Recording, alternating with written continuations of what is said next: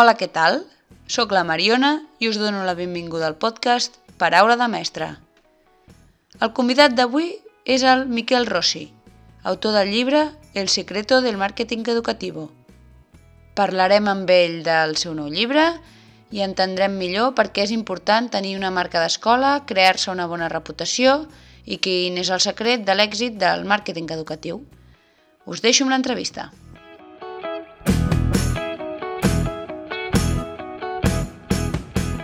Hola Miquel, benvingut a Paraula de Mestre. Moltes gràcies per ser Hola. aquí. Hola, al contrari, molt content de ser-hi. Um, bé, com t'he dit, eh, benvingut. Eh, és un plaer tenir-te en aquest podcast. I pel que no el coneixi, el, el Miquel, bueno, bé, que millor que ens presenti, que es presenti ell mateix. Miquel, qui ets, què, què fas, a què, a què et dediques? Molt bé, sóc Miquel Rossi, sóc llicenciat en Filologia Catalana, he estat més de 25 anys professor de llengua secundària i sobretot batxillerat, i també soc, soc dissenyador gràfic. I com a dissenyador gràfic ja fa molts anys, fa una vintena d'anys, vaig començar doncs, a portar temes de marques escolars, de dissenys per, per entitats vinculades a l'educació, i és una cosa que va anar creixent. I a partir d'aquí doncs, vaig anar entrant més a, a qüestions doncs, estrictament de branding, és a dir, de, situa de, de situar la marca eh, de l'escola doncs, amb el seu, el que seria doncs, bé, una, un reflex de la pròpia identitat i també, doncs, també de qüestions de màrqueting. Després de saber una mica qui ets, eh, també acabes de publicar un nou llibre, del qual jo mateixa podria estar hores parlant-ne i que m'expliquessis, però, però bueno, es diu eh, El secreto del marketing educativo i farem un petit spoiler, que és que el professorado és la marca de l'escola, és aquest secreto, no? Um, què ens podries, eh, abans de res de parlar del professorat, eh, què ens podries dir sobre aquest, aquest mm, concepte de màrqueting educatiu? O sigui, jo, i en general, he fet bastantes xerrades a escoles i com que he estat molts anys professor, entenc que d'entrada eh, això de màrqueting educatiu, home, doncs a qui es dedica a l'educació no li agrada. És el mateix que quan parlo de branding, de marca. Dic, l'escola és una marca. Doncs d'entrada no, no agrada, no? Um, clar, de totes formes tots som conscients, pel que fa al màrqueting, que um, ens falten alumnes, perquè hi ha una qüestió de natalitat doncs, que porta a que, a que s'obren places escolars i, per tant, tothom ha de fer màrqueting educatiu i això es comprèn, no? És a dir, que, que no crec que sigui una cosa que, en fi, tothom ho comprèn. Que parli de l'escola com a marca, si l'entenem la marca com una qüestió comercial, eh, mercantil, de compra-venda de productes, doncs també grinyola. Però és que això ja no és així. Avui en dia hi ha moltíssimes entitats que es gestionen com a marca. Jo sempre poso exemples tipus Open Arms, per exemple, doncs, Amnistia Internacional, per exemple, Càritas, que Exacte. gestionen perfectament una marca corporativa amb, doncs, amb els seus colors, el logotip, el logotip, el logotip sempre ben posat, etc. I, I no tenen res de comercials. És a dir, que ja es veu que això de marca és una altra qüestió diferent, és una qüestió més bé semiòtica, de, de, de signe. És a dir, el que estàs fent quan tu eh, t'expresses com a marca, estàs, és el, per mi és el canal millor, la millor manera d'expressar bé la teva pròpia identitat com a escola. Per tant, és un instrument de comunicació, bàsicament. Molt bé. I, clar, al cap i a la fi és el que dius tu, no? És una manera de, de poder captar alumnes que al cap i a la fi és el que totes les escoles busquen per, per seguir existint. Um, en un podcast diria que et vaig sentir, en el llibre també ho dius, de cada, de, de la, cada cinc alumnes que entren nous a una escola, tres vindran gràcies al boca-orella de les famílies. Per, Mm. no? per tant, al, al cap i a la fi, aquest màrqueting educatiu és important, però posar molts cartells, posar molts anuncis a la tele, al final, i, i al cap i a la fi, com a molt, tampoc serà el 100% dels alumnes que ens entraran els, que, els, els receptors no? d'aquests d'aquests anuncis. Clar, això és, això és una cosa de- d'experimentació i, a més a més, a cada escola on vaig ho pregunto també. Dic, vosaltres, aqu aquests números us coincideixen? I encara no m'he trobat cap escola que em digui que sigui radicalment diferent. Eh, de, això, de cada cinc alumnes, hi ha un que ja ve, doncs, diríem, bueno, per nassos, ha de venir perquè és que si ja té el germà, la germana petita vindrà. Són aquests que si no venen és que ha passat alguna cosa a l'escola que hem d'analitzar perquè és una cosa rara, no? Els dos pares sí. són antics alumnes i viuen al costat i no te'l porten. Doncs, home, has de pensar què passa aquí. Aquests són més o menys un 20%. Després, el 60% són els que venen pel boca-orella i només un 20% venen per altres mitjans. Llavors, jo el que, el que, el que una mica deia és, escolta'm, com pot ser que tot el màrqueting educatiu s'enfoqui sobretot cap a aquest 20% restant final. És a dir, totes les campanyes són aconseguir més, que jo no dic que no s'hagi de fer, eh? també s'ha de fer, perquè, mira, quants més vinguin, millor. Però cuidem sobretot els que et venen a través de la satisfacció de les famílies que ja hi són. Per tant, jo enfoco sobretot el màrqueting educatiu cap a aquests, cap a les famílies que ja són a l'escola. I això necessàriament doncs s'ha de passar perquè es facin molt bé les coses a l'escola.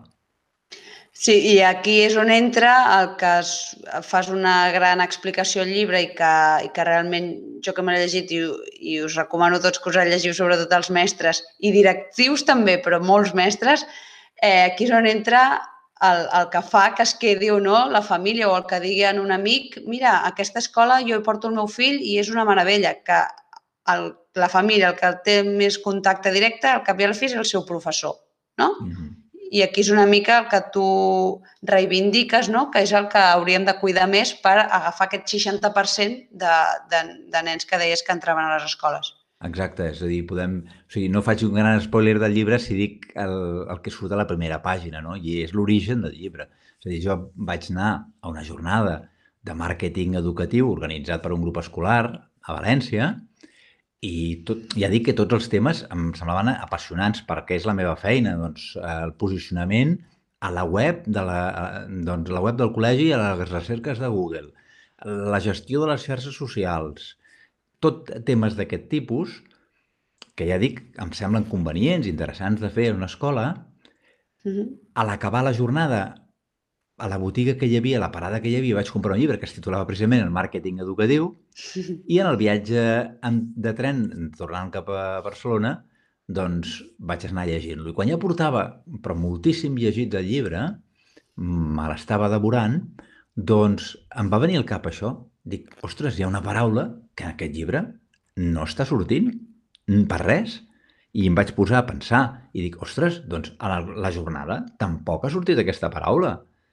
I aleshores, doncs, vaig agafar el mòbil, vaig buscar màrqueting educatiu per internet a veure què apareixia i eren webs doncs, d'empreses, doncs, algunes són molt, molt recents de creació, que assessoren a les escoles en màrqueting.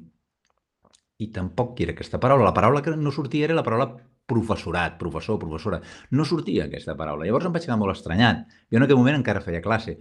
Eh, I vaig dir, a veure, però això té alguna lògica, el professorat no té res a veure amb el màrqueting de les escoles. Llavors va sortir aquesta idea de dir, ostres, mira, si resulta que eh, d'una banda el producte, el, el, el màrqueting hi ha les famoses 4 Ps, el màrqueting tradicional. La primera de tot és el producte, no? que en el nostre cas no és un producte, és un servei, és, la, és el projecte educatiu, vaja, no?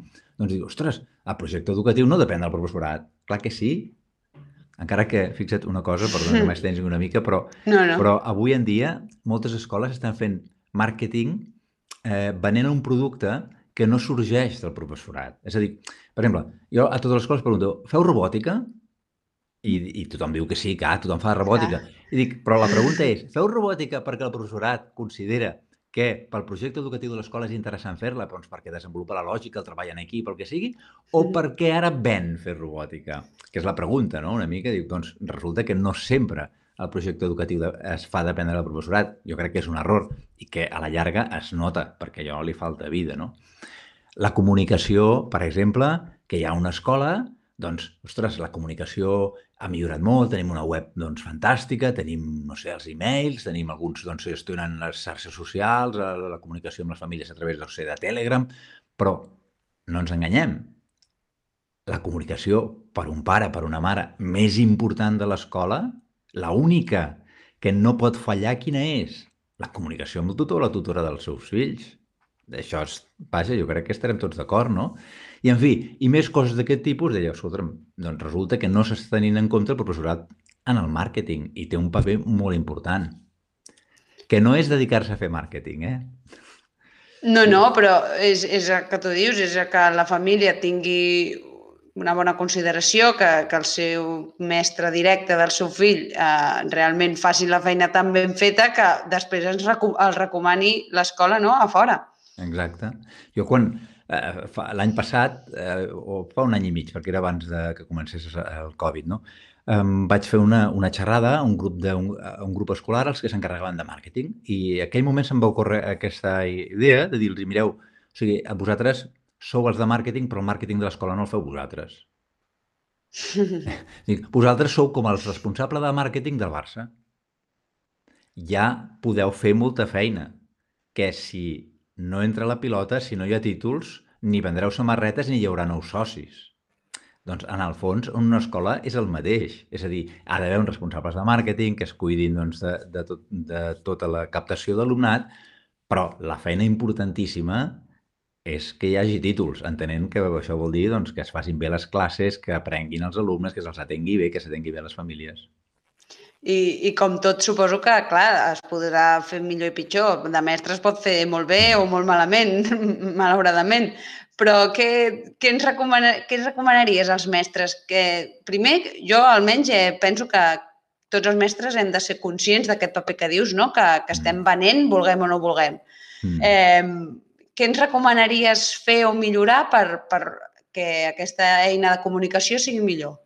Sí, jo, jo el que veig és que, d'una banda, hem de tenir consciència, com dius, del, del rol important que tenim, D'una altra banda, també tenir consciència de que les coses han canviat, qui porti més temps en educació, doncs ha de pensar que, en fi, que no, no val segons quines maneres de fer, no? És a dir, que la, les famílies avui en dia també han canviat i demanen, són més exigents, això ho veiem, jo crec que això uh -huh. tots estarem d'acord, són molt exigents moltes vegades, no? I demanen estar més informats, i demanen participar més de com s'ha d'educar els seus fills, no dic en general, no participen gaire de les AMPAs, però en canvi de, del seu propi fill sí que volen eh, decidir coses sí. que fins i tot no, no tenen per què ficar-s'hi perquè són coses ja de metodologia educativa, no? Ens trobem molt amb això, no? Per mm. tant, això ens obliga a tenir unes destreses que abans no eren imprescindibles. Sobretot destreses de comunicació. És a dir, s'ha de tenir no sé, una capacitat doncs, d'això de, de persuasió i, i fer molt bé, per exemple, les reunions de tutoria. Jo, eh, és un moment per mi clau quan els pares, pares, mares, venen a l'escola. És a dir, és un moment molt clau, perquè mm, fins a aquell moment la informació important és la que arriba dels nens. I és important aquest, aquest micromissatge de diari que arriba, de, que jo, per exemple, una cosa que, en fi, jo no hi entenc molt d'educació infantil, o sigui, ni entenc molt de nens de primària, però em sembla que, en fi, que en general els nens tenen menys memòria que els grans, no? Llavors dic, escolta'm, si li has de fer un càstig, si li has de fer una bronca, a primera hora. I si l'has de, fer, i si l'has de felicitar, l'últim de tot, que se'n vagi a casa amb un somriure de boca orella. Eh? Perquè si, perquè si a última hora és quan els fas la bronca, arriben amb cares llargues a casa i llavors tenim un problema, no? Eh, però, en fi, que el dia que els pares venen a l'escola, aquell dia han de sentir doncs, bueno, perquè aquell dia, per exemple, en les reunions de pares, que ja saps que dedico un, un, un capítol a aquest tema, no? Doncs, uh -huh. a les reunions de pares el que venen primer és examinar el, el professor el primer que volen veure és aquesta professora nova que tenim, eh, a veure què tal és, a veure, confirmar, en l'època de l'adolescència, confirmar si totes les coses que ha dit la meva filla són veritat o no, eh? però, però això, però de, venen a examinar-nos mi. Doncs, escolta'm, saber projectar una, una bona imatge personal, que és el segon aspecte, la marca personal. O sigui, primer, aprendre a comunicar amb més, amb, amb més o sigui, tenir més, més capacitat comunicativa, millorar en, en això, en persuasió, millorar també en exposició oral, etc. Però la segona cosa és aquesta, desenvolupar la pròpia marca personal. I aquí, en fi, és una cosa una mica eh, xocant. Si ara xocant parlar de marca d'escola, ja no dic res, parlar de personal branding, eh? és, és estrany, no? No? Sí. Xoca molt. Llavors, si vols, diguem-li reputació. La reputació com a professor, com a professora.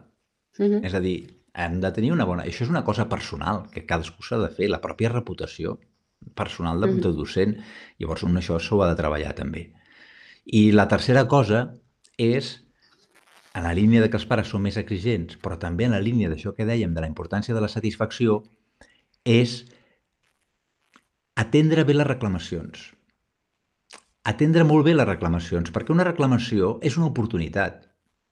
Si una família, això que diré ara és impossible, i ho sabeu, tothom que sigui docent ho sap de sobres, que una família, és impossible que una família arribi a l'escola i passi un curs en què no hi hagi cap cosa que hagi anat malament, cap, cap, cap queixa de res, eh? Mm -hmm. o cap... Eh? És impossible.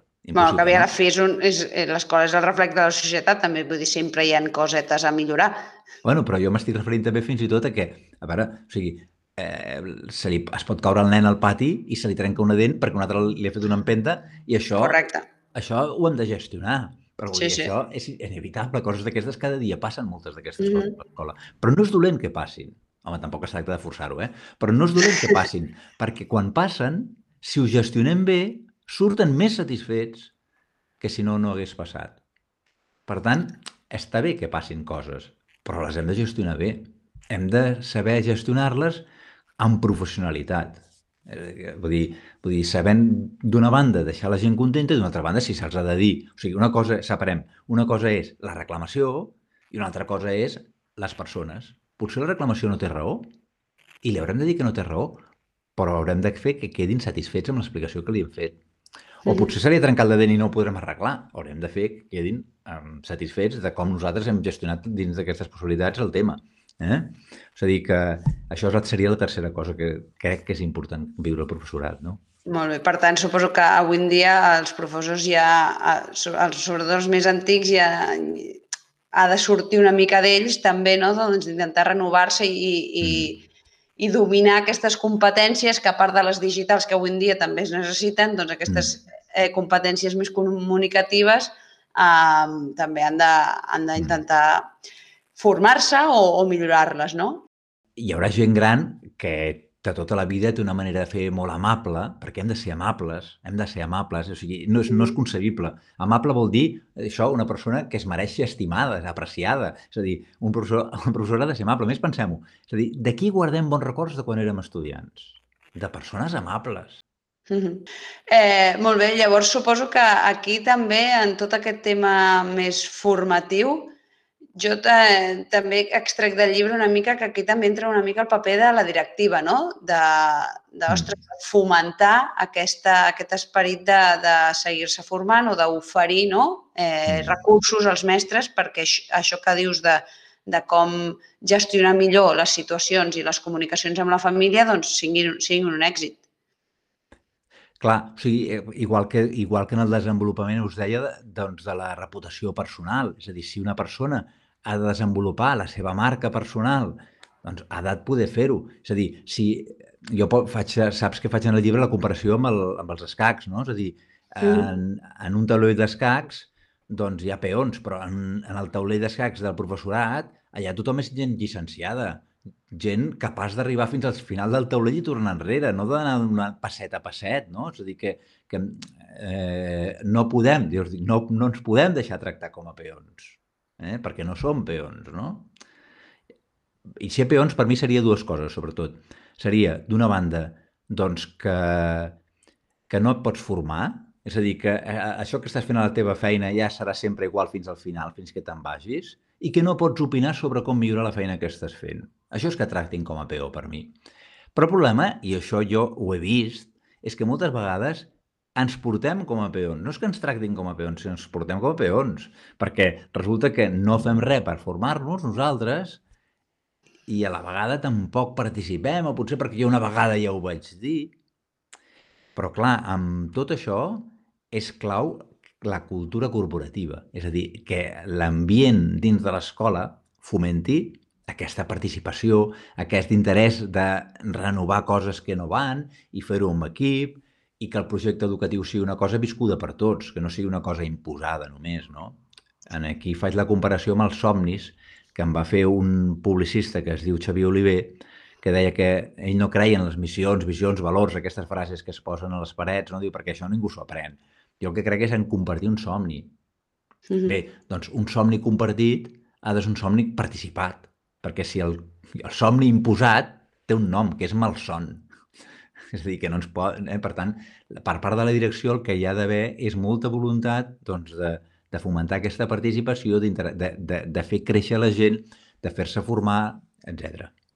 Sí, perquè suposo que al cap i a la fi a, a mi almenys és el que em passa si estic a gust i, i realment crec en el que estic eh, fent-ho en la meva feina, després sense voler ja em sortirà eh, parlar bé de l'escola o parlar bé de, del meu nen, no? o de parlar bé de, dels mestres, perquè, perquè realment és el que estic vivint. Exacte. És una altra cosa que també també surt al llibre, que, que és la, el tema de l'opinió sobre la pròpia escola, no? La reputació de l'escola interna, és a dir, la reputació interna, que és un descobriment que vaig fer, bueno, descobriment per mi, eh? No vull dir que, llegint, llegint, eh? Que, que jo tenia aquesta preocupació, dic, a veure, si, és bastant evident que la reputació exterior, és a dir, jo no m'imagino una escola on la, el, les famílies estiguin entusiasmades amb l'escola. Al carrer tinguin una bona opinió sobre aquella escola. En canvi, el professorat no tingui cap bona opinió sobre la pròpia escola, sinó més bé el contrari. Jo no m'ho puc imaginar, això, perquè duraria poquíssim, perquè se'ls notaria el professorat. O sigui, no pot ser, estem d'acord. Per tant, per ja, perquè hi hagi una bona reputació externa, primer cal una bona reputació interna de l'escola. Llavors, buscant com veure això de la reputació interna, on trobar a veure coses, vaig, em vaig trobar-me els resultats doncs, d'un doncs, estudi fet per una empresa de reputació amb moltes empreses que eren de l'IBEX. Les empreses de l'IBEX no són tan importants com les escoles, però, però en fi, ens, crec que ens poden servir. Doncs sí. aquelles empreses de l'IBEX, els factors per la reputació interna, el primer de tots era la relació amb el cap immediat. És a dir, nosaltres tenim una bona opinió del lloc on treballem, en primer lloc, si tenim una bona relació amb la persona que ens mana. Per tant, això és essencial. I aquesta és l'actitud directiva número 1 és aquesta, estar disposat a parlar i a animar i a escoltar a la gent en què tens el teu càrrec. Mm -hmm, molt bé. I, bueno, així anant una mica ja tancant, volia...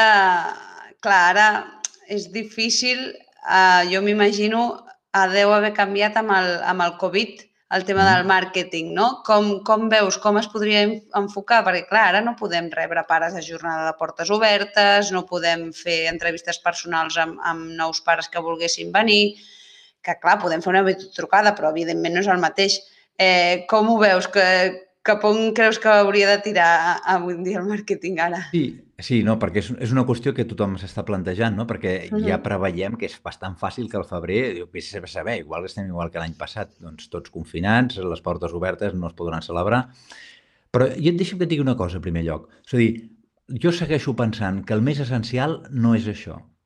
És a dir, el més essencial segueix sent que les famílies que tenim a l'escola estiguin molt satisfetes, molt contentes de com les estem tractant. I això ens portarà, ja dèiem, el 60% de la gent. I per tant, sí la primera cosa que s'ha de plantejar en el màrqueting i en el branding, no? és a dir, en la, en la gestió de la marca, i és el que s'està fent també fora del món escolar, eh? és que les marques són humanes i s'ha d'humanitzar al màxim possible. Jo he vist, per exemple, com quan, va, bueno, quan començava aquest curs hi havia centres que optaven molt per la, per la qüestió tecnològica, és a dir, doncs vinga, posem, posem Chromebooks a la gent i amb això ja hem resolt el problema perquè si s'han d'anar a casa Dius, amb això resols una part del problema. La part més important del problema és una part humana, és a dir, la relació humana que s'estableixi de satisfacció per tal com estem educant i la connexió que tenim amb les famílies. Per tant, jo no deixo de dir que això és el primer, el primer que hem de seguir fent i fent millor del que estem fent, fer-ho amb professionalitat. Després, la segona part, efectivament, eh, dic també la, la meva opinió de, de no hi haurà... Contem, sempre, hem de tenir el pla B preparat sempre, no? I el pla B és que no podran venir a les escoles, a les escoles les famílies. Per tant, hem de tenir una web atractiva, hem de tenir això, la landing page, on, bueno, la landing page és una pàgina que es diu pàgina d'aterratge, que seria com una, com una mena, diríem que és un fullet en la web, és a dir, una, una pàgina on acaba dient, doncs, demana més informació, vinc aquí a portes obertes, i okay. en allà per mi la clau és els continguts que es posin, que hi hagi molts vídeos, però no vídeos d'aquests que et ve una empresa i te'l fa i que es veuen superartificials, sinó vídeos, encara que siguin de la professora amb el mòbil que ha filmat i ha explicat una altra professora doncs, el que estaven fent a classe i per què ho fan. I seleccionar bé quins continguts val la pena posar i, mira, substituïm el recorregut per l'escola per un recorregut de vídeos que es veu la realitat del dia a dia real de l'escola. Molt bé.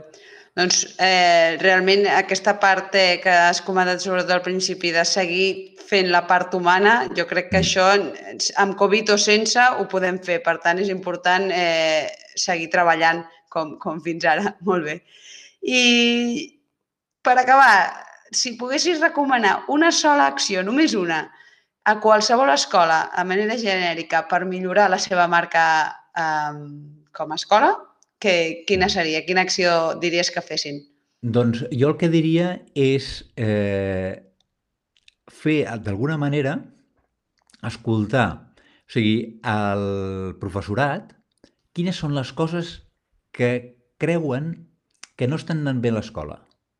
Uh -huh. O sigui, quins són els forats pels quals s'escapa l'aigua la, de la galleda, no? en, la, en la metàfora aquesta de la galleda foradada, que fa que que per allà se'ns va la mala reputació del centre, perquè és el professorat qui ho veu sobre tot això.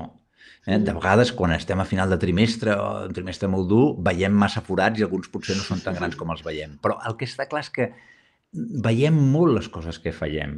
Eh? I, I fent una mica també, no, no es tracta de donar culpa als altres, sinó també veient el que cadascú diu, mira, jo crec que hauríem de millorar això i se sent culpable també, no? És a dir, però, però jo crec que és això, millorar coses que a l'escola no estan sortint tan bé com haurien de sortir. Molt bé, doncs mira, és un, és un bon tip, la veritat. Uh, doncs, doncs fins aquí. Uh, et deixo ara, si, per, perquè si vols et promocionis una mica, et deixo aquest espai de promoció perquè, perquè també, eh, ostres, bueno, com he dit abans, us recomano molt el llibre. Ara us els deixaré les notes perquè no només s'aprèn de màrqueting educatiu, sinó de molts altres temes de comunicació, com hem estat xerrant ara. Però on et podem trobar? Que, que sí, tens un podcast? Sí, efectivament. O sigui, d'una banda, casa meva és una web que es diu brandingescolar.com brandingescolar.com O sigui, allà, si un cop vas allà, allà ho trobes tot, no? Si sou aficionats, que us recomano molt escoltar podcast, i qui s'hi aficiona acaba no escoltant música al final. M'ha eh? passat. Eh? Doncs també busqueu branding escolar. Veureu que ja tot, tinc tot duplicat català i castellà, per, per, també perquè tinc gent doncs, que em segueix a, arreu d'Espanya i Amèrica, eh? llavors trieu el que us sembli millor i, i, i això. Us podeu subscriure al newsletter, que és la manera també que t'arriba tota la informació, podeu trobar a les xarxes socials.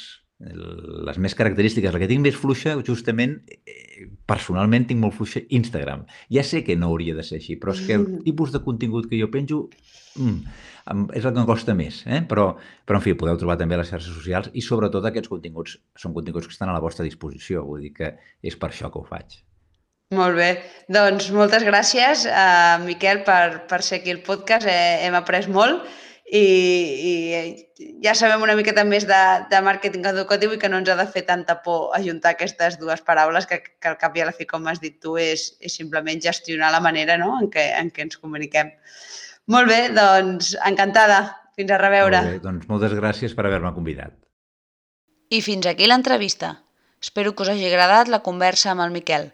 Hem après un munt de coses sobre com potenciar i com millorar l'estratègia de màrqueting educatiu, de com crear una marca d'escola, una marca personal i la importància, la gran importància del professorat en tot aquest tema. Res més, ens escoltem a la propera.